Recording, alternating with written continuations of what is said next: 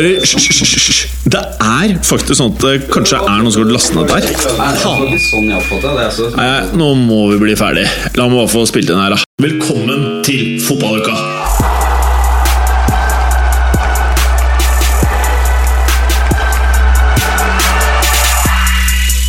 Fotballuka leveres av Green Duck. Adblocker for iPhone og iPad. I dagens fotballuke hvilke to lag har hissigst formkurve om dagen? Begge begynner på B.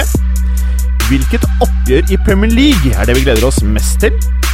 De har initialene E og C. Hmm, kan det være? Hvem er det Neymar Junior og Messi mener burde vært på shortlisten til Ballon d'Or i stedet for CR7? Hmm, lurer jeg veldig på. Lurer på hvordan det står til i Serie A. Lurer på hvordan det står til i La Liga. Kanskje lurer på hvordan det står til i league med Eller hva med Bundesliga? Lurer du på om Preben har kvittet seg med den superfæle barten sin? Alt dette og veldig, veldig, veldig mye mer i dagens fotballuka. Hallo, Erga Aasen! Eh, hva skjedde der, da? Jeg prøvde å være deg. Ja, det klarte du ikke. Eh, du har på deg noe veldig merksnodig i dag. Det er jo gult. Jeg er vant til å se deg i litt sånn kanarigult. Men Yes. dette er ikke noe kanaritrøye. Nei, det er en uh, Aris-trøye. Ja, og det er faktisk noe av det feteste jeg har sett av loer. Ser ut som en uh, gresk gud. det som er en gresk gud. Åh, deilig! Og det står der i eh, greske bokstaver? Der står det Thessaloniki. Åssen i all verden klarte du det? Jeg kan jo masse språk. Ja. Og? Det Er det noe nummer? Nei, Nei. nei.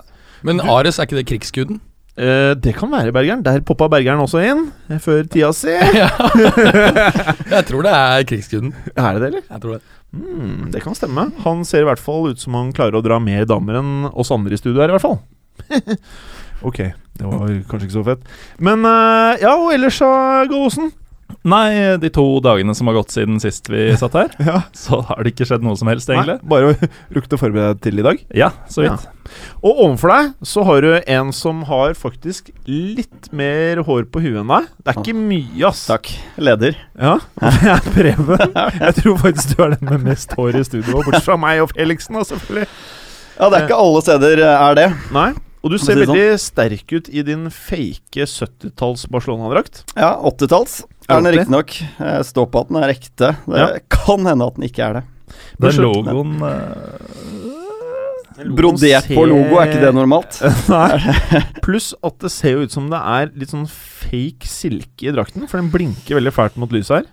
Var vel inn, da, tipper jeg. Ja. Slutten av 80-tallet, begynnelsen av 90-tallet. Med skinnende drakter. Mm, og dere lyttere, hvis dere ønsker å bidra til å finne ut om dette er en fake eh, drakt, så kan dere prøve å finne ut av om eh, på, eh, Barca hadde en sponsor som het Meiba, og at logoen så ut som en dårlig slange.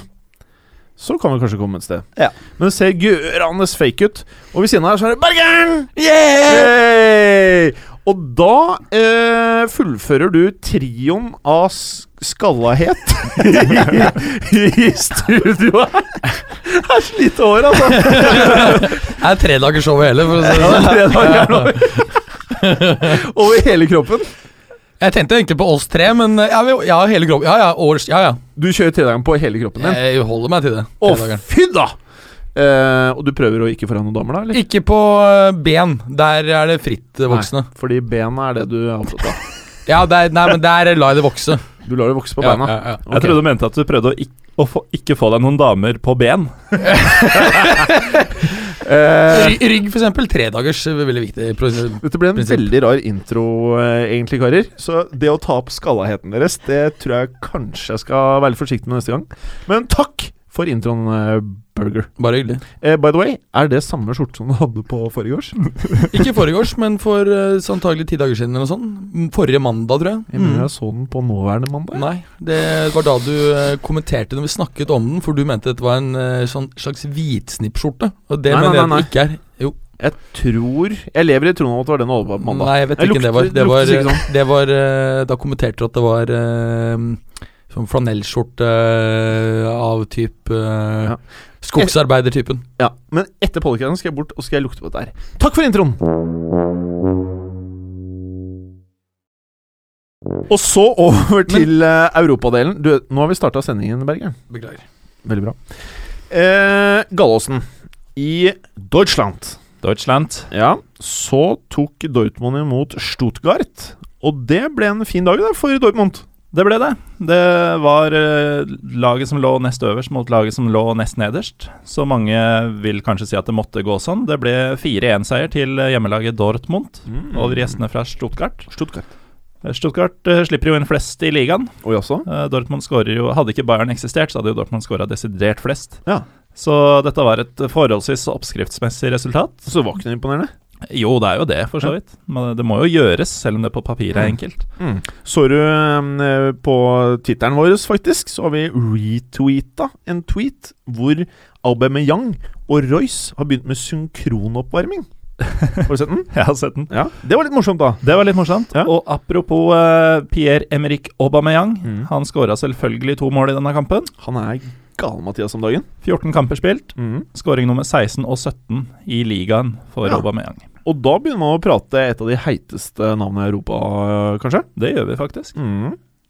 Eh, Bayern, eh, Bayern, Dortmund, hadde full kontroll, leda 2-0 før 20 spilt. 66% ballbesittelse.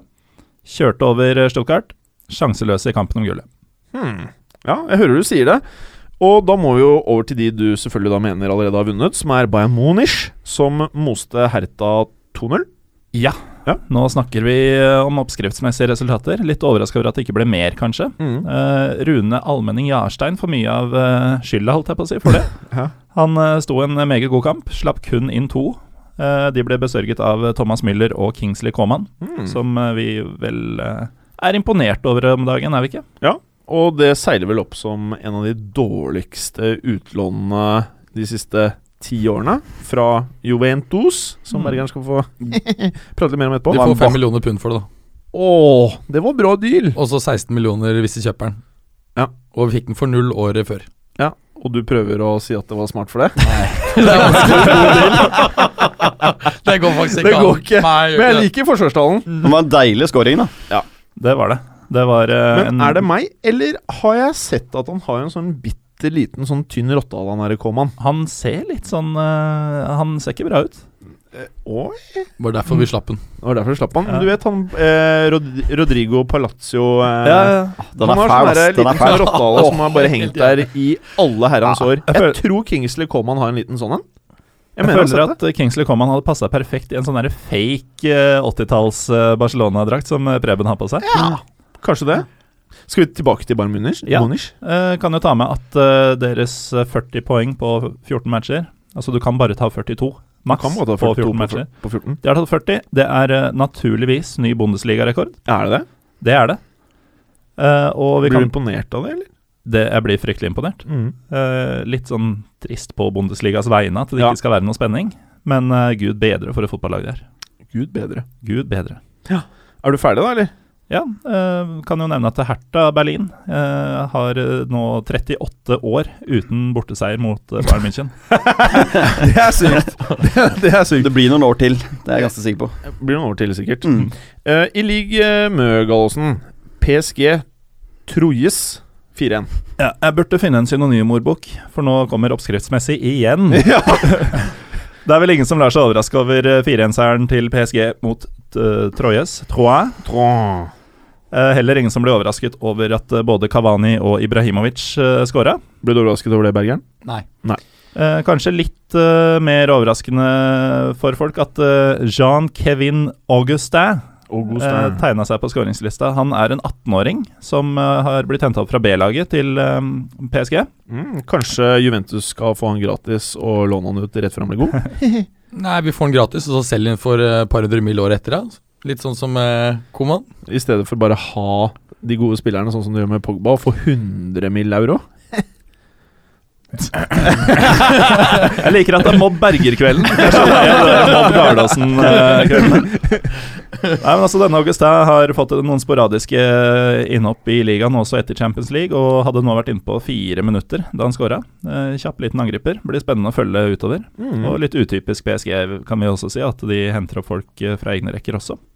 Er det litt eh, likt det vi ser i Frankrike og Tyskland. Vi har pratet om det litt tidligere òg, da. Den rollen PSG har i Frankrike mot rollen til Bayern München i Bundesliga. Jeg syns det er fryktelig, fryktelig likt. Mm. Eh, og det er jo selvfølgelig uh, Altså, I gamle dager så hadde jo vi i Norge Rosenborg, Mm. og det var jo delte meninger om hvorvidt dette var bra for norsk fotball, men det var jo veldig mange som mente at det, det lokomotivet, det må vi ha, som pusher på i Europa og sånn. Og det har jo i hvert fall liga og Bundesliga, Mm. selv om det går utover de andre klubbene i landene. Er det Lyon som er nummer to i Ligue Ø nå? Nei, det er nummer fire. Nummer fire.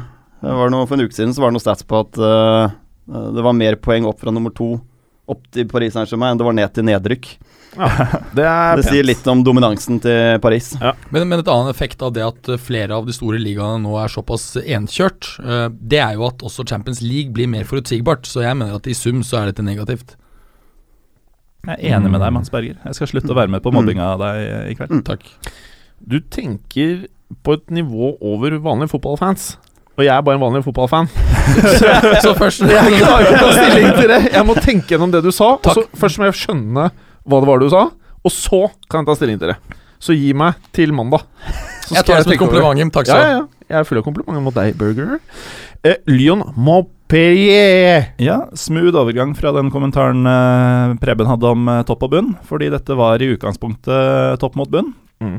Eh, men eh, det ender med 4-2-seier til bortelaget Montpellier. Lyon kommer liksom ikke ordentlig i gang denne sesongen. Eh, her lå de under 2-0 etter 11 minutter. Eh, Er det Fikir som er liksom problemet, eller? De har jo hatt utrolig mye skader eh, i løpet av høsten, det har de. Eh, nå er det litt bedring. Fikir er jo selvfølgelig ute for lang, lang tid, men eh, på den positive siden så er veldig mange andre tilbake. Uh, Lacassette skårer, riktignok Mm. bare ett i denne matchen, men han hadde jo problemer med dette i, i mange kamper på rad. Ja. Så det er jo det de må ta med seg, da. Det var en jevnspilt kamp, selv om resultatet er solid borteseier. Lyon hadde 61% ball. Hadde, det var omtrent likt antall avslutninger. Det var også en ganske stygg kamp. Mm. Eh, Sju gule kort. Uh, Eh, Tre til hjemmelaget, fire til bortelaget. høres ut som en underholdende kamp, da. Ja, mye mål og mye kort. Det Mm. er det beste jeg veit. Mm. Ja, det er jo det man ønsker. Og underdog-seier. Ja. Uh. Men det var vel Montpellier som vant for noen år siden, vel? De vant for noen år siden, og det var jo tidenes underdog-seier. Ja. Det var jo da PSG også skulle være et hav foran de andre. Ja, det er bra, det. Marseille-Monaco 3-3. Det høres også ut som en eh, spennende affære, eller? Fransk fotball er eh, full av fyrverkeri. Ja. Det er ikke alle som får med seg det. Nei, Pluss at det eh, er masse unge talenter som dukker opp eh, i eh, flere store klubber der. Og Det det er er, litt kult og litt sånn er ikke helt vanlig i de andre storligaene, kanskje? Det er det ikke. Eh, en av disse relativt unge, noe ukjente spillerne er belgiske spissen Michi Batshuay på Ja. Marseille. Han Som nå alle storklubbene er keen på. ja, skåra Han har vel flere mål enn både Kavani og Ibrahimovic eh, denne sesongen. Og det er jo litt deilig å ha på CV-en. Ja, I hvert fall enn så lenge. Ja. Eh, Marseille-Monaco 3-3, altså. Eh, søndagskamp, Dette var en av tre søndagskamper eh, i Ligue A. Mm. De leverte 14 skåringer til sammen, så dette var en artig dag. Kan ta med at uh, Lasana Diarra Han har jo gjort comeback eh, denne sesongen og har tatt Ligue A med storm. Og er på landslaget igjen. Ja, han er vel det. Mm. Og så um, er han nå på rundens lag for femte gang for sesongen. Mm. Og topper uh, spillerbørsen i L'Equipe, Ja. som er den mest uh, betrodde fotballavisen i Eller fotballtidsskriftet i Frankrike, vil mange si. Og Lass, som han ble kalt i Real Madrid, ble jo kåret til Reals spiller av fansen en sesong. Og det er ikke så vanlig at en deff midt blir kåret til årets spiller av fansen i Real, altså. Så det sier litt om Det er eh, kompliment. ja, hva slags karriere og hva, hvordan toppnivået hans faktisk er. Og så har han vært lost i masse rare ligaer et par år nå, og nå er han tilbake på kortet. Mm. Nå er han han- virkelig tilbake på kortet. Han var vel, har vel en del trekk litt lignende Claude Makelele Ja. hadde på sitt beste. Det er iallfall det jeg tenker på når jeg ser han på maksnivå. D'accord. Mm. Eh, det kan jo, altså, dette er jo to lag som var outsidere denne sesongen. Ligger henholdsvis på 11. og 7. plass, og i likhet med Lyon, det er eh, flere store klubber i Frankrike som sliter. Eh, det var også tre kamper i går eh, som alle endte 0-0. Mest overraskende av disse er vel Angers, Angers Ja. mot eh, PSG. Så overraskende poengtap for PSG i går kveld. Lorient Nice og Nantes Lyon, som eh, igjen ikke vant. Disse tre kampene endte også 0-0. Mm. Bra, Gallosen. Veldig bra, faktisk. Eh, Preben, Eibar, lille, lille Eibar, fikk besøk av store, store Real Madrid. Gjør det. Da er vi over i La Liga. Mm -hmm. vi og Eibar de, de er ikke noe enkle, de på bortebane. De har Nei. skapt mye trøbbel i år. Men det ble 2-0 til Real Madrid til slutt, og de hadde relativt eh, god kontroll. Det er jo ganske stort press rundt eh, både Benitez og laget om dagen, men uh, skåringen den kom, den. Et par-tre minutter før pause, en kort corner hvor Modric la en til Bale, som stusset inn skåringen. Godeste Cristiano Ronaldo er en mann som uh, sliter litt med å finne formen om dagen. Altså, han er fortsatt en fantastisk god fotballspiller, sånn som han er nå. Man sammenligner Ronaldo med hvordan han har prestert tidligere. Mm. Og det er, Han misser et par ganger alene med keeper. Det er noe halvdårlig, flaue forsøk på brassespark. Det er noen headinger som han normalt setter, da. Som han ikke setter denne gangen. Og vi skal vel tilbake til eh, siste året til, eller tredje året til Mourinho i Real, for å se så mange store stjerner som alle er lei seg samtidig. Jeg ser misfornøyd ut. Mm. Er, eh, og den gleden de viser, føler jeg er sånn her påtatt glede. At Nå skal vi vise at vi er glad. glad. Det er liksom ikke ordentlig genuin glede, da. Nei. Som man ser i andre klubber om dagen. Og så må Sergio Ramos eh, ut i pressen, og hver gang Sergio Ramos er i pressen, så er det enten at uh, han må si et eller annet om kontrakten sin, Ja. uh, eller så er det det at han må forsvare og si at uh, det var flaut at de tapte mot uh, Barca, eller ikke tapte, ble most av Barcelona. Ble rundspilt. Eller at Real er på vei tilbake. Eh, Ja. Og da ligger det liksom litt i kortene at eh, han og Perez har tatt en lunsj og Ramos, please, uh, say something. Mm. Og så er det liksom Du kan le i mikken, Bergen. Ja, men de er jo absolutt ikke Det kommer alltid på bestilling. ja, ja. Det er bra det, Berge. Men de er ikke på vei tilbake enda, sånn som jeg ser det. Altså, det er noe sånn flatt og kjedelig altså, De er fortsatt et godt fotballag, selvfølgelig, men det er jo ikke der vi forventer å se Real Madrid. Nå, nå får jo Ronaldo skåringen sin til slutt etter at innbytter uh, Lucas Vasques detter veldig lett uh, mot slutten av matchen, og Ronaldo setter straffesparket uh, sikkert i mål. Er Så han fikk jo skåringen. skåringen. er det noen i studio som er uenig i at det dummeste Real har gjort siste året, er å sparke Carlo? Overhodet ikke uenig. Det, det, det ser, for hver dag som, for hver uke som går, så ser det egentlig mer og mer ut som en total det var jo feilansettelse. latterlig idet sparkingen skjedde, så syns i hvert fall jeg at det var helt på trynet. Altså, Det er jo- perfekte manageren for Real Madrid. Ja. Det er Aldri noen kontroverser. Alle er happy. Han har Nei. stålkontroll, meritter. Alle er glad i han. Ja, det handler jo stort sett om å ha og- folk fornøyd når du trener en sånn klubb. Ja. Ja, Altså- også ikke minst fotballen de spilte, da. Ja. Ærlig talt. Oh. Ja, ja. Eh, så gjennombruddssissig og direkte. Eh, for meg det er noe av den kuleste fotballen jeg har sett Ja. ever. Det var veldig, veldig nice. Det var det. Mm. Skal vi gå videre? Vi kan gjøre det. Hvilken match vil du ha? Jeg vil gjerne høre litt om Atletico Madrid. Jo spanjol. Atletico Madrid de um, dominerte hjemme mot Español. De vant 1-0. Skåringen kom veldig tidlig ved, ved Griezmann. Um, innlegg fra Oliver Torres, et av 100 talenter, virker det som, i Atletico Madrid om dagen. En mm. midtbanespiller som er uh, slepen. Altså, Noen av de gutta Jeg har ikke hørt om de før i år. jeg. De Nei, det er uh, Det bare opp, bare popper opp nye folk hele Ja. tiden, ja. Så flott innlegg, og, og Griezmann styrer den i lengste. Og altså, Atletico Madrid burde jo ha vunnet masse. Men, Mm. men det er noe med Atletico Madrid. Jeg har sett en del av matchene deres nå i år, og jeg syns de ofte sliter med å punktere matchene. Da. De Mm. skaper mye, men, men de er liksom Jeg savner liksom det killerinstinktet da, foran kassa. Og det, når sesongen går litt utover nå, det begynner å bli litt eh, kvartfinaler i Champions League osv., så, videre, så trenger de det. Hvis Mm. ikke de skal ryke ut. Altså, det er et salg- godt fotballag. Veldig bra fotballag. Eh, salget av Mandzukic eh, hadde ikke Mm. vært for at han hadde et litt sånn dårlig forhold til eh, Simione, og fordi Simione da tydeligvis ønsker en spiss som arbeider og er flinkere på høyt press enn Mandzukic er, da. Så hadde han på mange måter vært en fyr de hadde trengt. En som ser ut til å komme til å putte sykt mye mål for Juventus i år. Eh, får kanskje ikke samme viben de gangene jeg har sett Jackson, og de gangene jeg har sett eh, Torres, selvfølgelig. Ja, Jackson er litt ofte skadet også. Sliter litt eh, med skadeproblemer. Og, og Torres er jo han, han har ikke kommet seg veldig mye videre fra Han har fått flottere hår. That's it, liksom. eh, men så har han Ja. Vietto. ja, men det er også eh, bra, men det er ikke helt top notch. Ja, altså, for han en, er en fyr eh, for fremtiden heller. Ja. vet du er jo veldig ung fortsatt. Ja. Er han eh, Ja. par og 20 år gammel? men for at de skal på en måte kunne vært en sånn reell utfordrer da, eh, til La Liga og Champions League semifinaler finaler, så, så savner de en ordentlig klassespiss. For resten av laget er veldig, veldig bra. Pluss at salget av Arda Toran eh, som da kommer til mest sannsynlig å styrke en av rivalene hvis han får lov til å spille, da. Ja. Han var en av Atleticos beste spillere de siste to årene, så det er klart at det merker man jo. Det merker man, men samtidig så er det lite de kan gjøre da når Barca kommer på banen og Arda vil stikke, så så Så så er det kjørt for Og de fikk jo masse spenn. Vi må bare videre, og nettopp Barca Real Sociedad 4-0. Det var bare grei skuring, eller? Der er det bare glede om dagen, altså.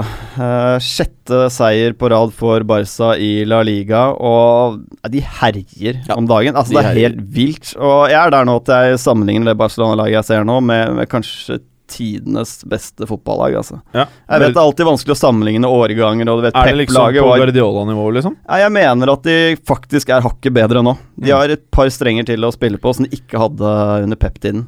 Pep sa når Luis Henrique var under mest press, når Ja. Messi var lei seg og de tingene der, så sa Pep eh, i media at han mente at de kom til å bli enda bedre under Henrique enn de var under han. Mm. Ja, de er ekstremt godt balansert, da, fra i hvert fall midtbanen og fremover. Forsvaret kan det jo, og keeperplassen er jo Ja.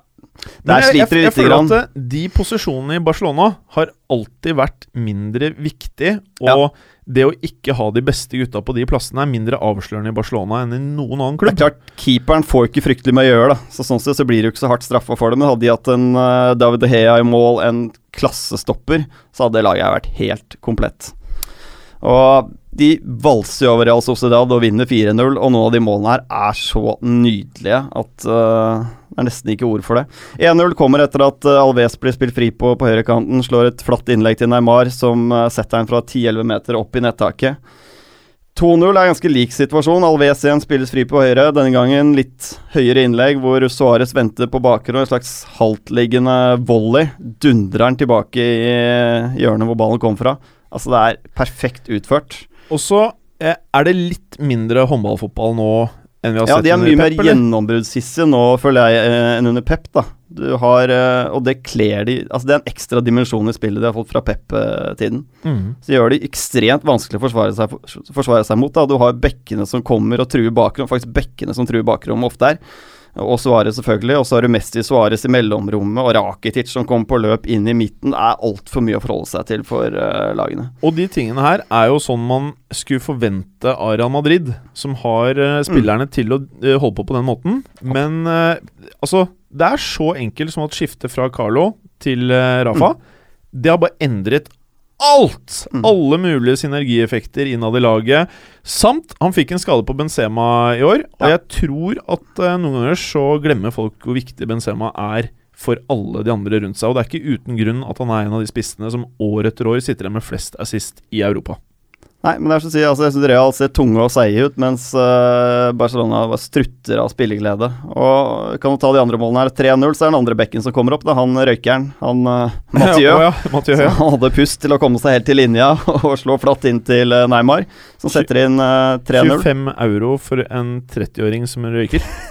Ja, ja. Det var Røyker han fast? Ja, sånn uh, Er visstnok er vel litt overdrevet, da, men ja, Han er visstnok en fyr som tar seg en sigg innimellom. Ja, er det, altså. Pent kjøp. Neymar er toppscorer da, i La Liga, for øvrig. Ja, og så 14 mål på kjøper 12 du- første. Fermalen, som er skada stort sett hele tiden nå. Så var liksom det, det sier jo litt om hva de kan slippe unna med. Tar du veldig kjapt Sevilla-Valencia, Ja, som Bare si at Messi skårer 4-0-målet etter et eh, fantastisk samspill av disse MSN-gutta. Ja, det er sykt. Det Sevilla-Valencia 1-0. Der er det egentlig ikke så fryktelig mye å si om matchen, for den dominerte Sevilla. eh, fikk skåringen eh, til slutt.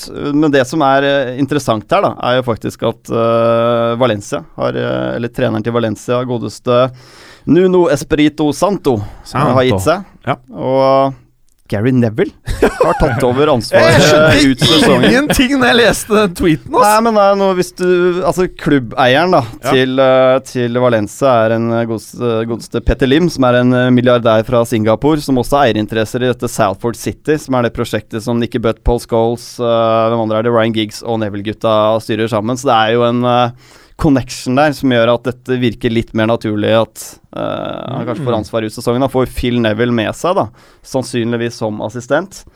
Tror du det Eh, rakner hele klubben, eller? altså Gary Neville har jo, Nå er jo neste match for Valencia er jo Barca. Gary Neville har eh, valgt å vente til eh, Champions League Lyon-matchen før han tar over. Ja. Han, han står over Barca-matchen. La brutter'n få den. Men, men det som også kan tas med er at en, en trener som er aktuell for Valencia, er uh, Jorge Sampaoli, som leder ledet Chile til sin første Copa America i sommer. Han eh, skal trekke seg. Han er aktuell også for en brasiliansk klubb, Palmeiras. Er det han som er nominert i årets trener? Yes. Ja. Eh, han er også aktuell for en brasiliansk klubb, Palmeiras, men de skal ha presidentvalg, og det avhenger da av resultatet i det presidentvalget. Um, president. ja. Så blir han ikke trener der, eh, så er han aktuell både for, um, for Valencia, og han linkes også til Lazio og Roma. Uh, Roma han er- spesielt er det kanskje ikke så rart at han linkes til. Men akkurat Valencia, det, jeg unner at de klarer å få til ting fremover. Sånn at man får en, uh, enda en utfordrer til uh, makthierarkiet i La Liga. Og La Liga har jo potensial til å være en fantastisk fet liga å se på. Den er jo allerede det. Men du trenger ett, to lag til som er med og pusher Real og Barca, altså. Ja, jeg er litt spent på Gary Neville. jeg. Altså, han fremstår jo som desidert mest kunnskapsrike punditen i England, i hvert fall for min del. Eh, og alle uttalelsene hans virker gjennomtenkte, fornuftige. Han har vært lenge en klubb med, med, med stor vinnerkultur. Vet hvordan man vinner fotballmatcher, rett og slett. Så jeg, hvorfor ikke? Tror du United syns det er digg, eller? Slipp å få all den jævla kritikken. Hele tiden! Endelig. Fyr som sitter med innsideinformasjon kontinuerlig og bare sparker i ræva. Hver gang du gjør noe feil, så kommer det noe dritt. Vi må bare videre. Burger! Yes! Serie A! Serie A. Napoli Ider Milan. Napoli mot uh, Internazionale di Milano. Det endte 2-1 til Napoli. Veldig, uh, veldig spennende kamp og, og eh, mye sjanser. Eh, mye spenning før kampen, ettersom Inter ledet eh, før denne runden med Napoli på andreplass. Og Napoli kunne da ta tabelltopp. Det gjorde de også etter matchen. Eh, Higuain han skåret etter bare et drøyt minutt. Hans åttende hjemmekamp på rad med scoring. Napoli dominerte kampen, og det ble ikke bedre av at Nagatomo blir utvist for Inter etter to gule kort. I løpet av bare ni korte minutter, med dårlige takninger på tidligere Real Madrid-spiller José Maria Callejon. Callejon. Calle, nei, Cal- Ca- Callejon. Callejon er det. To er ikke det Det skrives Callejon. Ja, ja det er det. Ikke sant? Det er det Callejon. Callejon. Det er Callejon. Callejon? Vi bare kaller han Callejon. Ja, Callejon. Og, eh, og Allan, men eh, Som by the way er eh, sykt bra. Ja, han er kjempebra, og det har vært et veldig godt kjøp Og han var knallbra i Real òg. Ja. Han var faktisk en av de spillerne som Real-fansen syntes var tristest at måtte stikke. Men er på en måte litt, litt lik tilfelle sånn som eh, Morata og Hesse. Han greier ikke å slå gjennom, blir sittende for mye på benken, og da går det til slutt. Og han har jo fått spille fast og gjort det kjempebra i Napoli. Napoli etter denne utvisningen for Inter måtte likevel vente til 62. minutt før de eh, fikk neste scoring. Det var med Higuain igjen. Nå sammenlignes han faktisk med Maradona i, eh, i Napoli. Det er vel kanskje å strekke kanskje det litt drøyt. litt litt Det er drøyt, men uh, de er on fire, altså. De on Så fire. Serie A's Messi òg. Også litt drøyt. Ja, det er også litt Jeg, jeg så sånn. Jeg er også litt drøyt, helt klart. Og så har du lite å skrive om, så er det bare å dra inn av de navnene her, så selger det enda litt mer. Ja, um, men, men det interessante var faktisk at etter um, 2-0-skåringen, hvor Inter da hadde en, et spiller mindre til og med, så begynte de å yppe seg.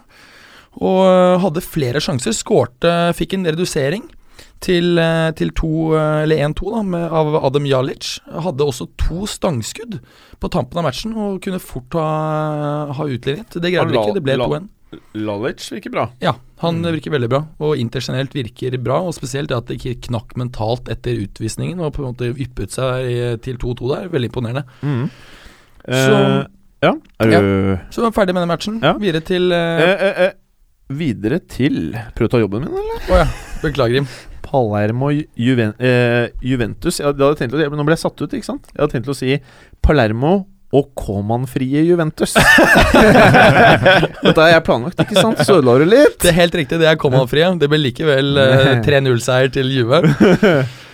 Um, Juventus har jo rykket oppover tabellen siste tiden og tok her sin fjerde seier på rappen i Serie A. Palermo fikk ny trener for bare en drøy ukes tid siden. Greide uavgjort i første kamp eh, med David Ballardini. Palermo var et ganske tamme her og øh, hadde ikke veldig mye å by på. Likevel så tok det en litt tid før Juventus fikk hull på bylen i det 55. minutt med Manzukic, som jeg har snakket om tidligere. Begynner å komme seg. Tok litt tid før han kom inn i serien, når han skåret i tre av fire siste matcher. Hva med din favoritt eh, Dybala? Han eh, nettopp nevnte Masukert skårte etter en flott forarbeid av supertalentet Paulo Dybala. Som du for øvrig han, mener er en av de største stjernene Jeg- på under 21 år. Han er den beste spilleren i verden på 21 under, det mener jeg ganske Ok. bestemt. Og lyttere, hvis dere eh, Fordi vi har prøvd å finne noen reelle utfordrere til eh, Berger. Vi sliter med å finne folk under 21 som kan tukte eh, Dybala. Bortsett fra Coman! Kingsley Så tweet gjerne 'kom med noen andre'. Nå viser Bergeren fingeren! Oh, nå er det sint! Vi kan si Martial er jo oppe der. eh, Ja, er, jo to, er han det? jeg, Eller jeg er det litt sånn overskrifter at man tror han er enda sykere enn det han er? Han hadde noen bra kamper, og de hadde ikke noen spisser som kunne ta rollen.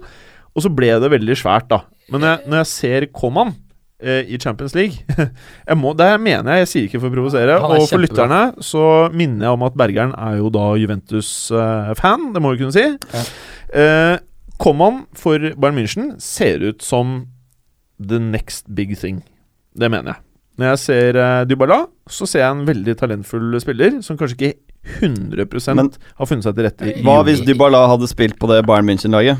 Det er et meget kunne godt poeng, sett Preben. Og det er derfor jeg blir stressa når du setter meg på plass. Ikke sant? ja, jeg, jeg mener det er omvendt. Ja. Dybala er det next big thing, altså det neste som kan på en måte være uh, Han blir selvfølgelig ikke noen Messi, Messi er historisk, men han er liksom det, det neste der oppe, altså, og det ser jeg ikke hos Koman. Jeg hadde også sagt det hvis jeg var Juventus-fan.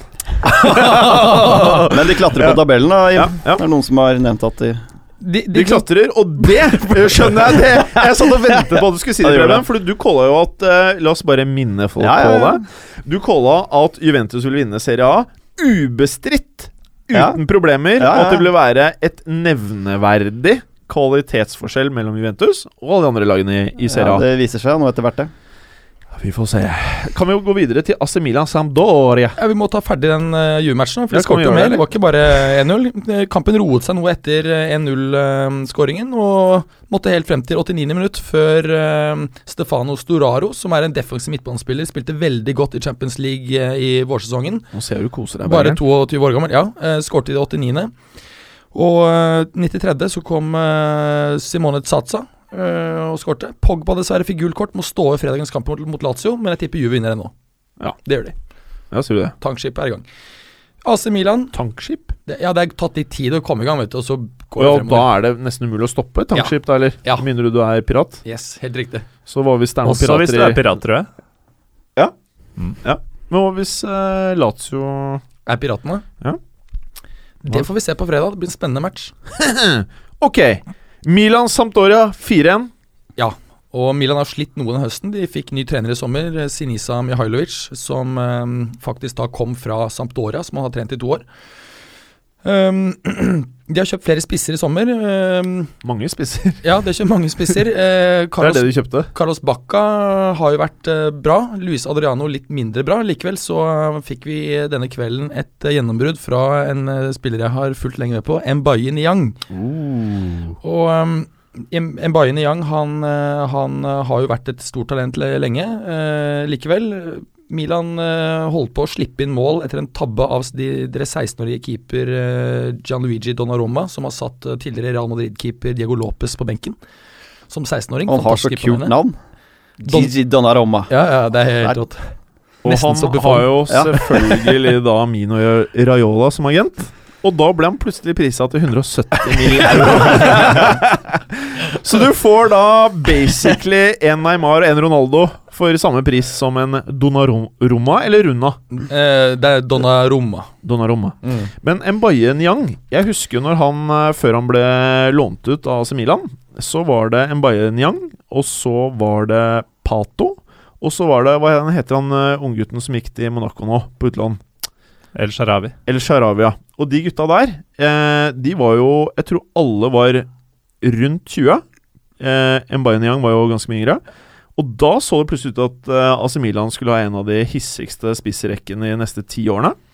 Og så gikk bare alt rett i veggen etter eh, at Pato var skada hele tiden.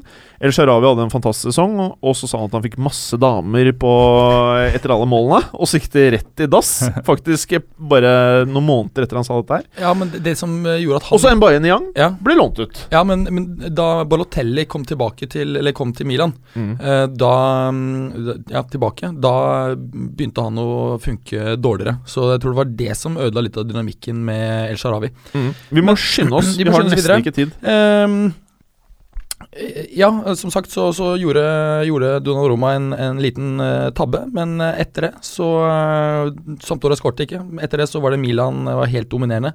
Satte inn 1-0 ved Bonaventura, et rasist fra den nevnte Niang. Etter 38 minutter så um, felles uh, Bonaventura. Niang setter straffen sikkert knallhardt. Like etter hvilen så legger Niang på til 3-0 for vertene. Etter at innbytter Luis Adriano øh, da klinker inn 4-0 noe senere. Det var det åttende minutt. Sampdoria fikk et trøstemål på straffe etter at Eder ble felt, tok straffen selv. Kan Bra. også nevne at uh, Milan møtte Crotone i går i øh, Coppa Italia. Niang skårte igjen, men de måtte ut i ekstraomganger. Og så ta lynkjapt Roma-Atalanta. Lynkjapt, Lynkjapt. Ja, øh, Roma taper da 2-0 på hjemmebane for Atalanta, som endte på 17.-plass i Serie A i fjor. De rykker opp da til 9.-plass i ligaen etter den seieren. Roma er jo mistet seg helt etter eh, et par dårlige resultater, spesielt da 6-1 mot Barca. Eh, i ruskete form, lav selvtillit i spillergruppa, og eh, det murrer nå om det er mulig trenerbytte. De Rossi tilbake i denne kampen, det hjalp ikke. Taper 2-0. Det er ikke noe mer å si. Nei. Takk skal du ha, Bergen. Og så over til kommende runde i Premier League, herr Gallaasen. Eh, denne uka her, eller ikke denne uka, for det er andre podkast denne uken, men i dag så har vi jo valgt å se på eh, et oppgjør som kanskje for noen er litt overraskende, at vi ikke velger en av de tradisjonelle toppklubbene, eller tradisjonelle topp fire-klubbene. Vi har valgt Everton Crystal Palace som rundens kamp. Vi har det. Eh, Everton, et lag som vi for så vidt aldri fullroser noe særlig, men de er jo veldig bra i år, syns jeg.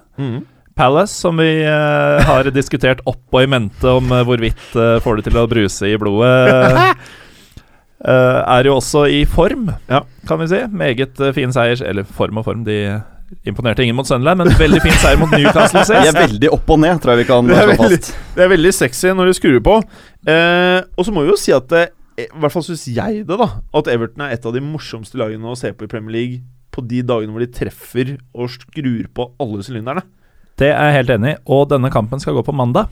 Everton taper ikke på mandager. Nei, de de skrur på alle sylinderne på mandager. Mm. De siste 15 så har de sju seire og åtte uavgjorte. Det er veldig dumt for Crystal Palace, da. Det er det. Imidlertid så har Palace vunnet de to siste oppgjørene på Goodison Park.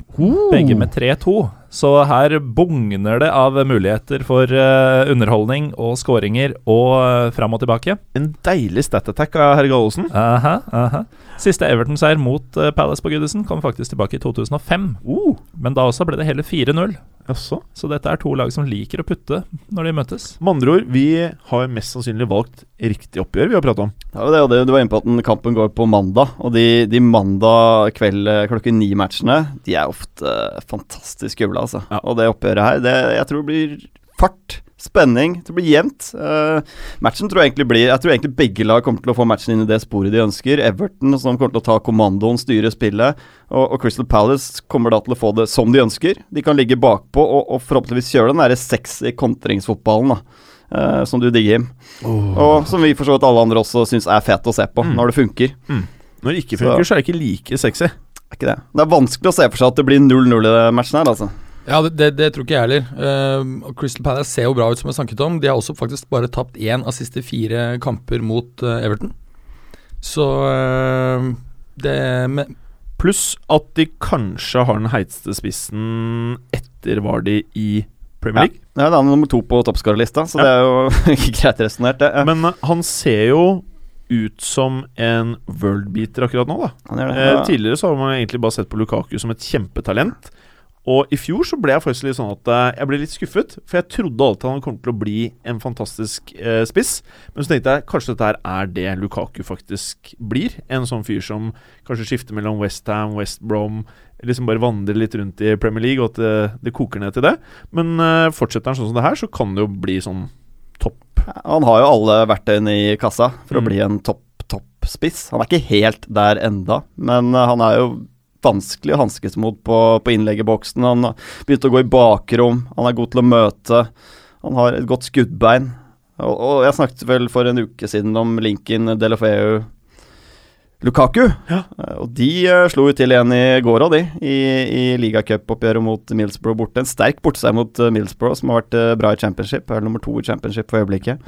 Og der var uh, Delofeu med målet sist, og Lukaku skåret den andre. Så de ser bra ut, altså. Ja, jeg er helt enig. Og Lukaku han uh, skåret jo i begge matchene mot uh, Palace forrige sesong. Og har jo nå faktisk uh, åtte mål på siste åtte kamper Ja. i Og- Premier League. Mm. Og noe av det, bortsett fra den fantastiske perioden han hadde i uh, belgisk fotball, så må vi jo også si at han fikk en relativt høy transfer fee når han gikk over til Chelsea. Og så hørte man jo alt dette om at han var så utrolig fornuftig, utrolig sympatisk. Han analyserte både seg selv eh, på video, analyserte alle motstanderne sine eh, på en strukturert måte, og da var han vel 19 eller 20 år gammel. Eh, og så har han jo lært seg en haug med språk. Han ønsker å kunne kommunisere med lagkameratene sine uansett hvilket land de kommer fra. Han ønsker å kommunisere med trenerne sine uansett hvilket land de kommer fra. Og det er jo ting som på en måte Vi er ikke, vi er ikke bortskjemte med å høre dette her om fotballspillere. Du hører om sånne gærne, gærne eh, treningsritualer i andre idretter, men i fotball så pleier det kanskje Det, det, er, det er ikke vanlig å høre dette her. Men nå har vi rost eh, Lukaku og Dolofeu. Hva med Barkley? Han er knallgod om dagen. Ja. Han uh, produserer mål. Han, altså han ser farlig ut da hver gang han har ballen. Jeg syns han har blitt uh, mer direkte i stilen enn han kanskje har vært de to siste årene. Han har jo hatt uh, perioder tidligere også hvor han har levert, og så har det vært helt dødt. Men nå er det jevnt. Han blir jo selvfølgelig eldre, han også, så det hjelper jo på stabiliteten. Bidro med både scoring og målgivende mot Bournemouth i helgen også. Mm. En er i annen slag, positiv ting for Everton er jo at Leighton Baines uh, fikk seg noen minutter i går etter et langt uh, skadeavbrekk. Så får de nå Baines tilbake. Nå har ikke Galloway gjort seg bort i det hele tatt Nei, i vikarrollen. Men det er klart, Leighton Baines i toppslag, da blir det mye målpoeng. Ja, Det er nettopp det. Eh, vi koker inn med masse mer informasjon. Vi må nesten videre. Siste ting, Bergeren. Jeg kan nevne at, uh, at Crystal Palace er det eneste laget som uh, ikke ennå har kastet bort en ledelse um, i, i uh, Premier League denne sesongen. De har vunnet Yes. alle syv matchene som de har tatt ledelsen i. Så du har begynt å scrolle helt ned på han helt ned, ja. og, og de, har, de har faktisk siden uh, Alan Party tok over i januar, så er det bare Arsenal som har tatt flere poeng på bortebane enn Crystal Palace. 30 poeng har de tatt. Du prøver å si at det er sexy Crystal Palace vi kommer til å se mot Everton. Ja, smarte Men penger når vi, på er inne, når vi er inne på poeng Dersom Everton skulle vinne, så når de 300 ligapoeng under Roberto Martinez. Så det vil være et lite jubileum. Det er et lite jubileum. Eh, Gallosen, kan ikke du mens du er i gang, ta Stoke Man City? Ja? Jeg kan eh, ta Stoke Man City. Eh, Stoke vant jo overraskende på Etihad eh, tidlig forrige sesong, da Mambrian Diouf eh, bestemte seg for å gå over hele banen og sentre ballen mot Joe Hart, som slapp den inn. Ikke Ian Hart. Eh, jobbe, jogge Nei, det har blitt en sånn intern greie da etter kommenteringen til Blakeren. Hvor han sa Ian Hart! Joe, Joe Hart! Ja, det har det blitt. Ian Hart. Uh, tilsvarende oppgjør Stoke City i februar Jobbe, på Britannia. Jogge! Ja, sorry. endte 1-4, altså 4-1-seier til eh, City. Ja. Det tapet var Stokes eneste Premier League-tap uh, mot Manchester City på Britannia. Det blir nesten alltid uavgjort. Fem av sju oppgjør har rent uavgjort mellom disse på Britannia. Oh, Siden Stoke kom opp i. Premier League. Ja da. Og, Men jeg kan uh, si at uh, Så du kampen til City i år? Uh, Nei, det gjorde jeg ikke. Jeg gjorde det. Gjorde du det? ja? Mm. David Silva. David Silva er en fantastisk fotballspiller. Wow, han var bra, ass. Han er utrolig bra, og Kevin De Bruyne var veldig, veldig bra. Mhm. Så City med Silva tilbake. Aguero fikk seg en liten uh, på ankelen, gjorde han ikke det? Så Eh. det er fremdeles usikkert om han spiller neste kamp. Hvis de får den rekka da med Sterling, eh, De Bruyne, Silva og, og Aguero på topp, er ikke noe annet som matcher det i Premier League, altså. Nei, da begynner vi faktisk å prate Real Barca, Bayern ish. Ni, ah, ok, okay, ok, ok, stykke ok. opp Men jeg bare, bare sier at det, det, Ja, det er de er i ballparken, da, i det minste. Ja. Det er i ballparken. Ja. Eh, dette er jo egentlig også en potensiell hovedkamp denne runden, faktisk. Ja. Stoke er i kjempeform eh, og har kun tapt to av siste ni. Har holdt nullen fem ganger i den rekka. Eh, mye av grunnen er eh, min nye favoritt Jack Butland, Uh, som jeg tror kommer til å måtte stå fram igjen, skal det være håp om poeng for eh, Stoke. Fordi eh, de putter ikke mye når de møter City. Sju skåringer på 14 oppgjør. Eh, og de har jo også De spiller jo mye mer pasningsorientert enn før. uh, på, mye pga. de kjøpene Mark Hughes har gjort de siste sesongene. mm. Det, da skal de treffe bra på pasningene. Skal de spille ut City. Jeg vurderer for øvrig å selge DGA på Fantasy og inn med Butland. Han er ganske mye billigere. Neste oppgjør eh, Da må jeg over til deg, Burger. Jeg ser du noterer flittig på papiret ditt. Eh, Arsenal-Sunderland. Yes. Kan det bli en spennende kamp nå som Arsenal eh, har gjort seg bort helt med skader? Ja, ikke bare fordi de har eh, gjort seg bort med skader, men også fordi Sunderland er i um, god form. De har vunnet tre av sine seks kamper under uh, Aladici. Aladici! Ja. Det er like mye som um, de vant på um, Ja, under hele Avokat sin uh, periode, som vel var 17 matcher. Så det er eh, bra trøkk. De kommer nok til å ligge dypt. Vi kan ta kjapt kikk på skadene. Eh, Arsenal har jo nesten et helt lag ute. Eh, Gibbs, Rosiski, Arteta, Wilshere, Walcott, Alexis, Welbeck, Coquelin, Korselny og Casorla. Casorla og Korselny skal jo være raskt tilbake. Det er Usikkert om de er tilbake allerede til helgen. Det som er interessant, tror jeg, og som kan være en sånn blessing in disguise siden Casorla er ute, er at Aaron Ramsey da er tilbake i sin Altså de sin foretrukne eh, posisjon. Litt mer sentralt. Ja, ikke sant? Det du tenkte å si, var preferred role. For det har han ja, vant til å ja, høre, ja, ja, helt riktig. Jeg måtte oversette. Ja. Men, og jeg syns han er betydelig bedre når han løper på en måte de der løpene fra dypt i midtbanen. Da er han fantastisk. Vi kan nevne at, uh, at Han eh, stakkar har jo blitt spilt veldig mye ut av posisjon, nettopp pga. at Casorla Coquelin har fungert såpass bra. Så Ja. han har spilt nesten litt sånn wing, indreløper eller et eller annet, hvor han ikke ser like Blir heit litt ut. gjemt Nei. bort ute på kanten der. Ja. Han er god når han kommer på de løpene inn i boksen. Da skårer han mye mål også. Det er akkurat det. det, er akkurat det. Altså, da ser han helt sånn top notch ut, altså. Ja, ja. Mm. Helt enig. Og det er klart at nå har jo, eh, har jo de mye skader. Jeg tipper at uh, det, du kan fort se at han kan bli avgjørende i den matchen. Sunderland har jo uh, Defoe ute, også Sebastian Larsson. eh, men eh, jeg vil si Arsenal eh, sitter eh, likevel med kortene. Det kommer til å bli antagelig bli et Sunderland som ligger dypt i banen. Øzil er jo red hot. Burning red hot, ass. Ja, definitivt. Han har to mål og elleve assist siste tolv kamper. Som du har nevnt tidligere, Jim. Når Øzil virkelig er eh, trøkker på på assistene, da kommer også målene. Mm. Og det er noe vi skal ha med. Arsenal greier dette og tar det hjem. Det liker jeg å høre. Nå er det bestemt og bra, Bergeren. Preben! Manchester United, Westham. Blir dette en fet kamp, eller blir det suppe og gjørme og kjedelig? Kan fort bli suppe og gjørme og kjedelig. Det er, det er veldig vanskelig å spå, syns jeg. Det, nå er jo siste i rekken ute for å kritisere sitt gamle lag, er jo gamle bekken Paul Parker, som eh, kritiserer van Gaal for å styre med frykt. En ganske ekstrem variant av konsekvensledelse som van Gaal tydeligvis kjører i United.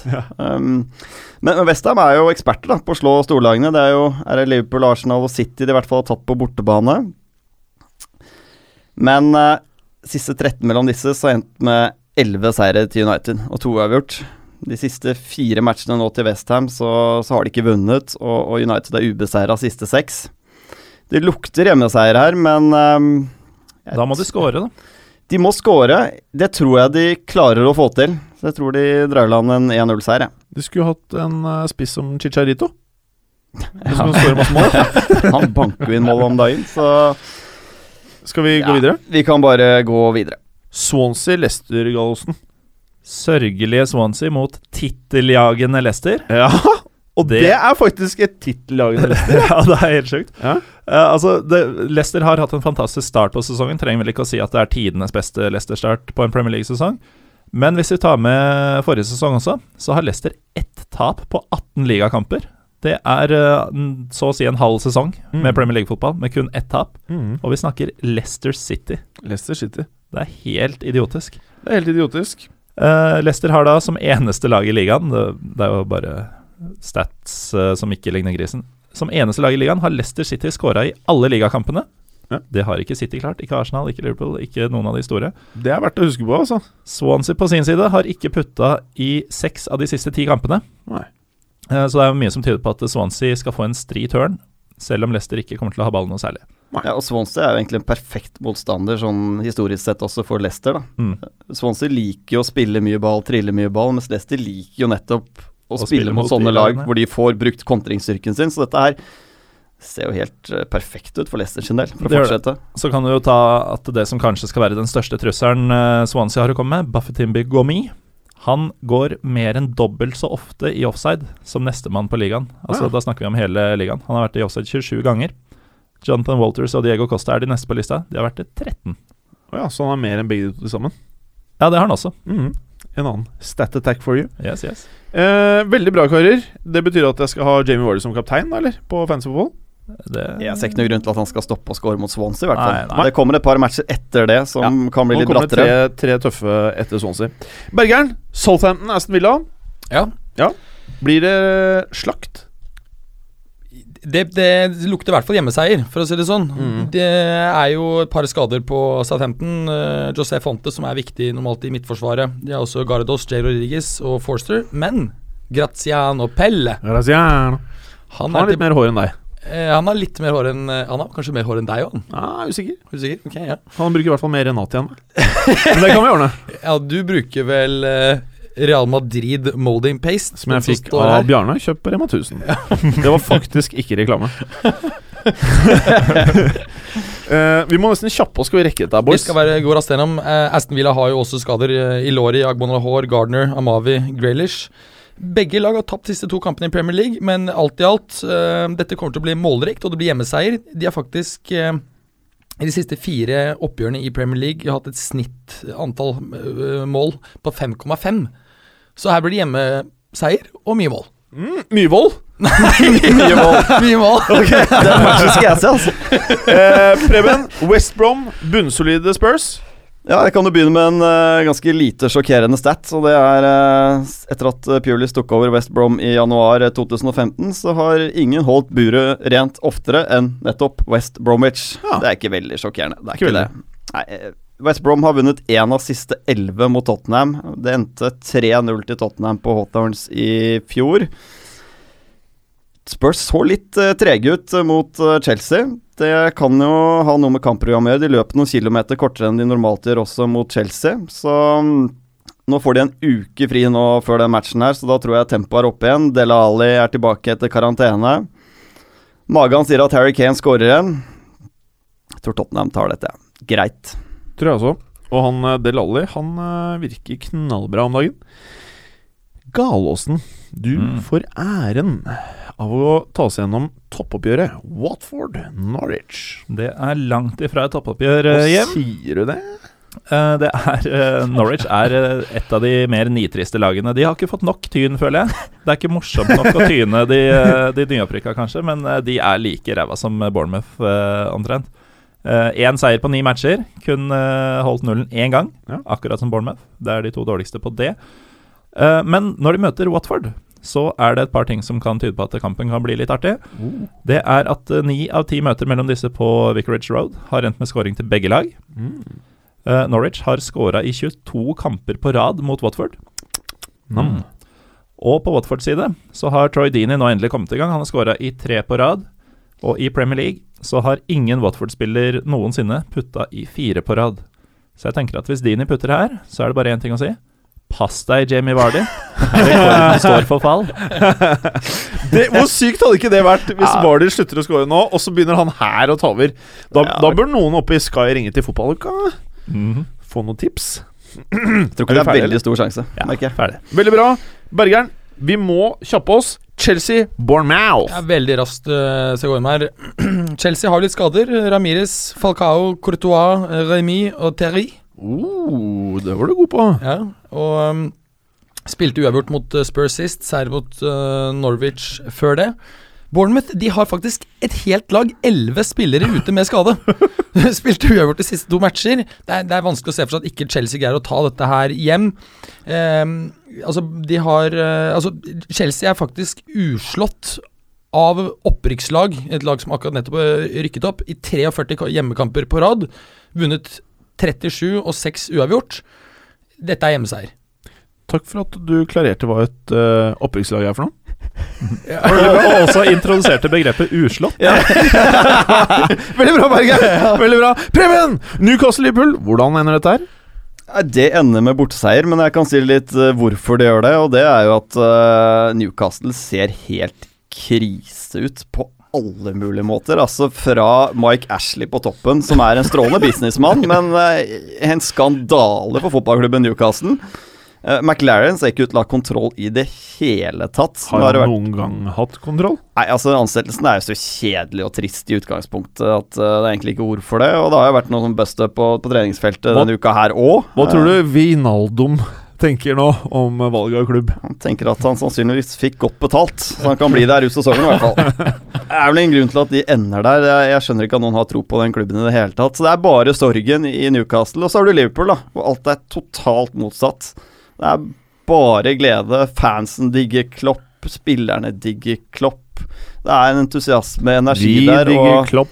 Ja, og så kan du legge til det at, Ja. eh, at Tekniker at- Felix digger Klopp. i match eh, Newcastle er hjemme, så føler de seg litt forpliktet til å prøve seg fremover. Og da blir du drept av uh, Klopps gegenpressing. Akkurat det, og jeg er ganske Åh. sikker på at uh, Newcastle føler seg presset til å prøve å vise hjemmefansen at her må de gå i angrep osv., og, så videre, og det er jo nøyaktig det de absolutt ikke skal gjøre mot Liverpool. De burde jo bare lagt seg bakpå og håpet å kontre inn en scoring sjæl. Må jo si at det finnes lite annet uh, å sammenligne med Newcastle-fansen. Altså, det er en tro fanskare, altså. Ja, de fortjener jo så mye, altså, de mye holder så tight med mer. klubben, og så blir det bare most hver eneste sesong av Ashley. Ja, Vi må kjappe oss, altså. Du kan ting, sammenligne med Napoli, faktisk. For Ja. de var jo, hadde jo like mye tilskuere. Hadde jo 60 000 da de var i Serie C. Så det er, det er faktisk en litt sånn uh, god analogi. Og Bra, lag, Bergeren. Bra! Veldig bra. Added value. Laget Newcastle slipper inn mest mål mot, har sluppet inn mest mål mot i historien i Premier League, er jo nettopp Liverpool. Så jeg tror de kommer til å plusse på den kontoen Liverpool i den matchen her også. Jeg solgte Alexis Sanchez, kjøpte Coutinho. Eh, jeg har litt for mange gode spillere nå. Hvem skal jeg sette på benken? Mares eller Coutinho? Coutinho. Coutinho? Ok, da gjør jeg- Mares har fått. Åh, da gjør jeg det, Bergeren. Eh, med det så er vi ferdig. Maybe someone's uh, don't like me, but because I'm maybe I'm too good. I don't know why. He has zero titles, and I have a lot of them.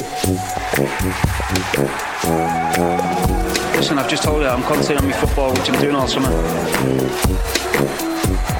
There's only one Zlatan. Sure? Yeah. Do you know Zlatan? It was your hand or the hand of God? Cheers. For me, man. I thought it was funny. Og så til konkurransedelen, herr Gallosen. Og jeg tror du har vært borte en uke, så har jeg ikke hørt den derre fæle spylyden din på eh, litt for lenge. Hva er det du har for noen snacks av lyder i dag, da, Gallosen?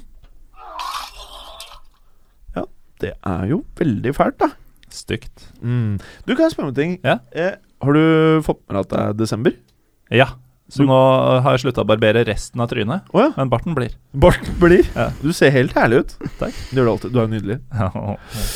Preben! Hva Jeg sitter med soundmaskinen igjen. Jeg har lagt bort 17. Ja. mai-effektene. De får heller komme fram til våren igjen. Soundmaskinen tror jeg kan bli en suksess. Ja, Jeg håper det, men jeg, syns det skal fortsette som sist. At du velger et tall mellom 1 og 16. Så tar Ok. vi den. Da tar jeg 1.